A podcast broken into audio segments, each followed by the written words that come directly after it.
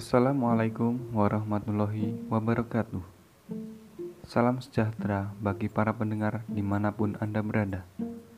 Perkenalkan, saya Erwan Syah Nasrul Fuad dari Pendidikan Sejarah Universitas Negeri Malang. Pada kesempatan kali ini, saya akan membahas tentang Pancasila dalam pemikiran Muhammad Yamin. Sebagai ideologi negara, maka Pancasila haruslah menjadi sumber tatanan hidup dalam berbangsa. Dalam hal ini, maka ideologi sendiri adalah ilmu pengetahuan tentang ide-ide. Pancasila sebagai dasar filsafat secara ideologi bangsa dan negara Indonesia bukan terbentuk secara mendadak serta bukan hanya diciptakan oleh seseorang sebagaimana yang terjadi pada ideologi-ideologi lain di dunia. Namun, terbentuknya Pancasila melalui proses yang cukup panjang dalam sejarah bangsa Indonesia. Dalam proses perumusan Pancasila sebagai dasar negara Indonesia, dilaksanakan melalui hasil kerja keras yang melibatkan banyak tokoh yakni dengan dibentuknya Badan Penyelidik Usaha Persiapan Kemerdekaan Indonesia atau BPUPKI. Tokoh penggagas lahirnya Pancasila antara lain yakni Profesor Muhammad Yamin, Profesor Mr. Dr. Supomo, dan Insinyur Soekarno. Pada sidang BPUPKI pertama, aspirasi mereka menjadi cikal bakal lahirnya Pancasila. Pada kesempatan kali ini, saya akan memfokuskan pandangan Pancasila dari perspektif Muhammad Yamin. Biografi Muhammad Yamin Muhammad Yamin dilahirkan di Sawalunto pada tanggal 23 Agustus 1903. Sawalunto sebuah kota madya di daerah Sumatera Barat yang juga dikenal dengan kota tambang terletak di suatu lembah yang dikelilingi oleh bukit-bukit. Muhammad Yamin merupakan putra dari Usman Baginda Khotib dan Syahadah yang masing-masing berasal dari Sawah Lunto dan Padang Panjang. Ayahnya bekerja sebagai mantri kopi pada zaman penjajahan Belanda di Indonesia. Muhammad Yamin menikah dengan Raden Ajeng Sundari Metro Atmojo pada tahun 1934 beliau dikaruniai seorang putra laki-laki bernama Dang Rehadian Sinayangsih Yamin. Jenjang pendidikan Muhammad Yamin tidak berjalan lurus, bukan karena Muhammad Yamin sulit belajar, sehingga tidak dapat naik kelas yang lebih tinggi tepat pada waktunya, akan tetapi karena keadaan sekolah pada waktu itu belum tersebar seperti zaman sekarang. Muhammad Yamin selalu memilih sekolah dengan pelajaran dan suasana yang benar-benar cocok dan serasi dengan hati nuraninya. Selain itu, keadaan lingkungan keluarga mempunyai pengaruh besar pada pendidikan Muhammad Yamin karena membutuhkan biaya yang tidak sedikit tentunya. Apalagi dengan pada saat itu berada dalam belenggu jajahan pemerintah Hindia Belanda.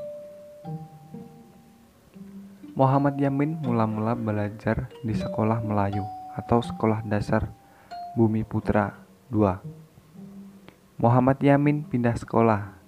Ia pindah ke Hollands English Land School atau HIS pada tahun 1918. Muhammad Yamin pada tahun itu juga menamatkan sekolahnya di HIS. Setelah tamat dari HIS, Muhammad Yamin ingin melanjutkan sekolahnya ke Bogor untuk memasuki sekolah dokter hewan. Namun ternyata ia tidak tertarik pada pelajaran tentang hewan-hewan dan penyakitnya. Tidak lama kemudian, Muhammad Yamin pindah ke sekolah pertanian di daerah Bogor. Di sini pun Muhammad Yamin lagi-lagi tidak bertahan lama. Kemudian Muhammad Yamin pindah ke Surakarta dan memasuki Al-Khemene Middlebury School atau AMS. Jurusan Usters Letter Kundig Afdeling atau sekolah ini dibuka pada tahun 1926. AMS Afdeling Al menjadi sekolah tepat bagi Muhammad Yamin. Beliau belajar sungguh-sungguh dan menjadi murid yang terkemuka. Muhammad Yamin tertarik pada mata pelajaran sastra, bahasa, dan budaya pada umumnya. Pada tahun 1927, Muhammad Yamin menematkan pelajarannya di AMS. Sementara itu, Muhammad Yamin berangkat ke Jakarta dan memasuki Sekolah Tinggi Hukum Rich Hook School atau RHS pada tahun 1927. Di Sekolah Tinggi Hukum inilah Muhammad Yamin menamatkan studinya tepat pada waktunya, yaitu selama lima tahun. Pada tahun 1932, ia lulus dan sejak itu ia berhak memakai gelar Mr. in the Resident yang diletakkan di depan namanya. Sejak saat itu, nama lengkapnya menjadi Mr. Muhammad Yamin.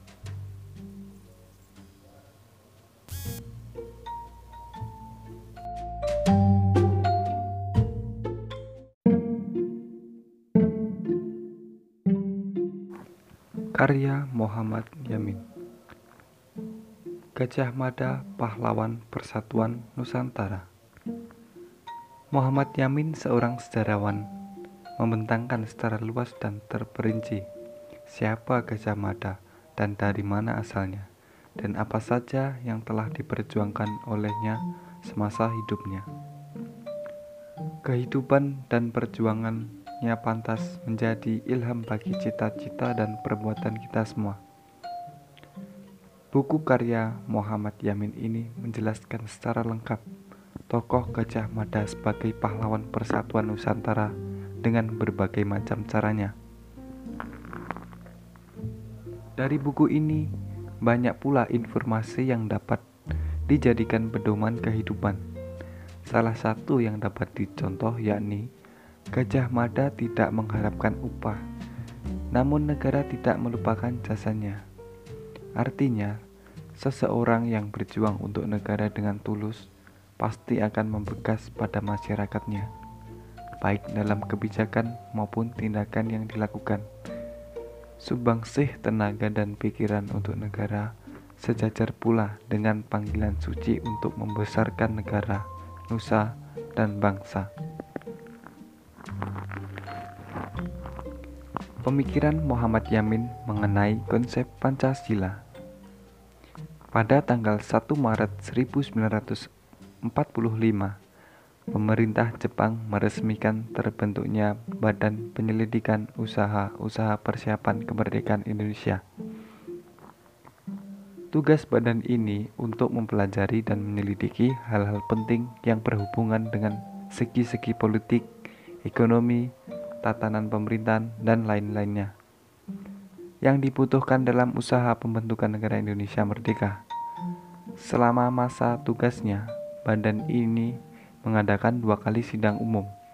Dalam sidang umum yang pertama, para anggota BPUPKI serta membahas berbagai macam hal yang ada kaitannya dengan persiapan Indonesia merdeka. Antara lain, syarat-syarat hukum suatu negara, bentuk negara, pemerintah negara, dan dasar negara. Muhammad Yamin menjadi salah satu anggota dalam Badan Penyidik Usaha-usaha Persiapan Kemerdekaan Indonesia ini.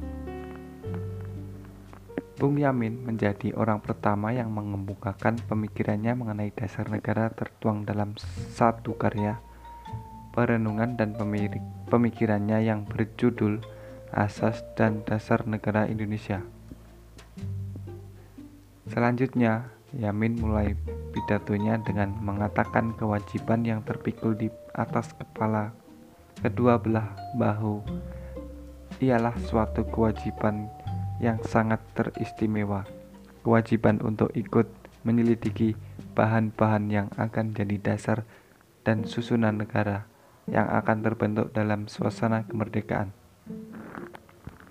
Konsep Pancasila dalam pemikiran Muhammad Yamin dibagi ke dalam lima hal pokok yang tertera, yakni mengenai peri kebangsaan, peri kemanusiaan, peri ketuhanan, peri kerakyatan, dan kesejahteraan rakyat.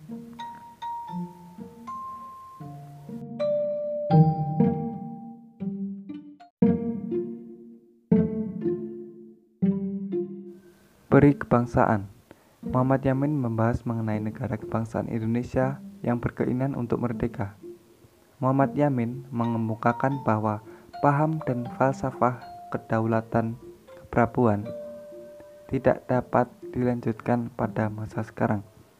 Rakyat Indonesia mendapat dasar negara yang berasal daripada peradaban kebangsaan Indonesia sendiri. Yang kedua adalah peri kemanusiaan. Tujuan Indonesia merdeka sudah sama artinya dengan dasar kemanusiaan yang berupa dasar kedaulatan rakyat atau kedaulatan negara. Secara diplomasi, Muhammad Yamin mengatakan bahwa kedaulatan rakyat Indonesia dan Indonesia merdeka berdasarkan peri kemanusiaan yang universal, berisikan tentang humanisme dan internasionalisme bagi segala bangsa. Muhammad Yamin menitik beratkan pada manusia sebagai kesatuan atau unit dalam bentuk bangsa dan negara, menghendaki status kemerdekaan yang sempurna bagi masyarakat Indonesia sebagai pelaksanaan asas peri kemanusiaan.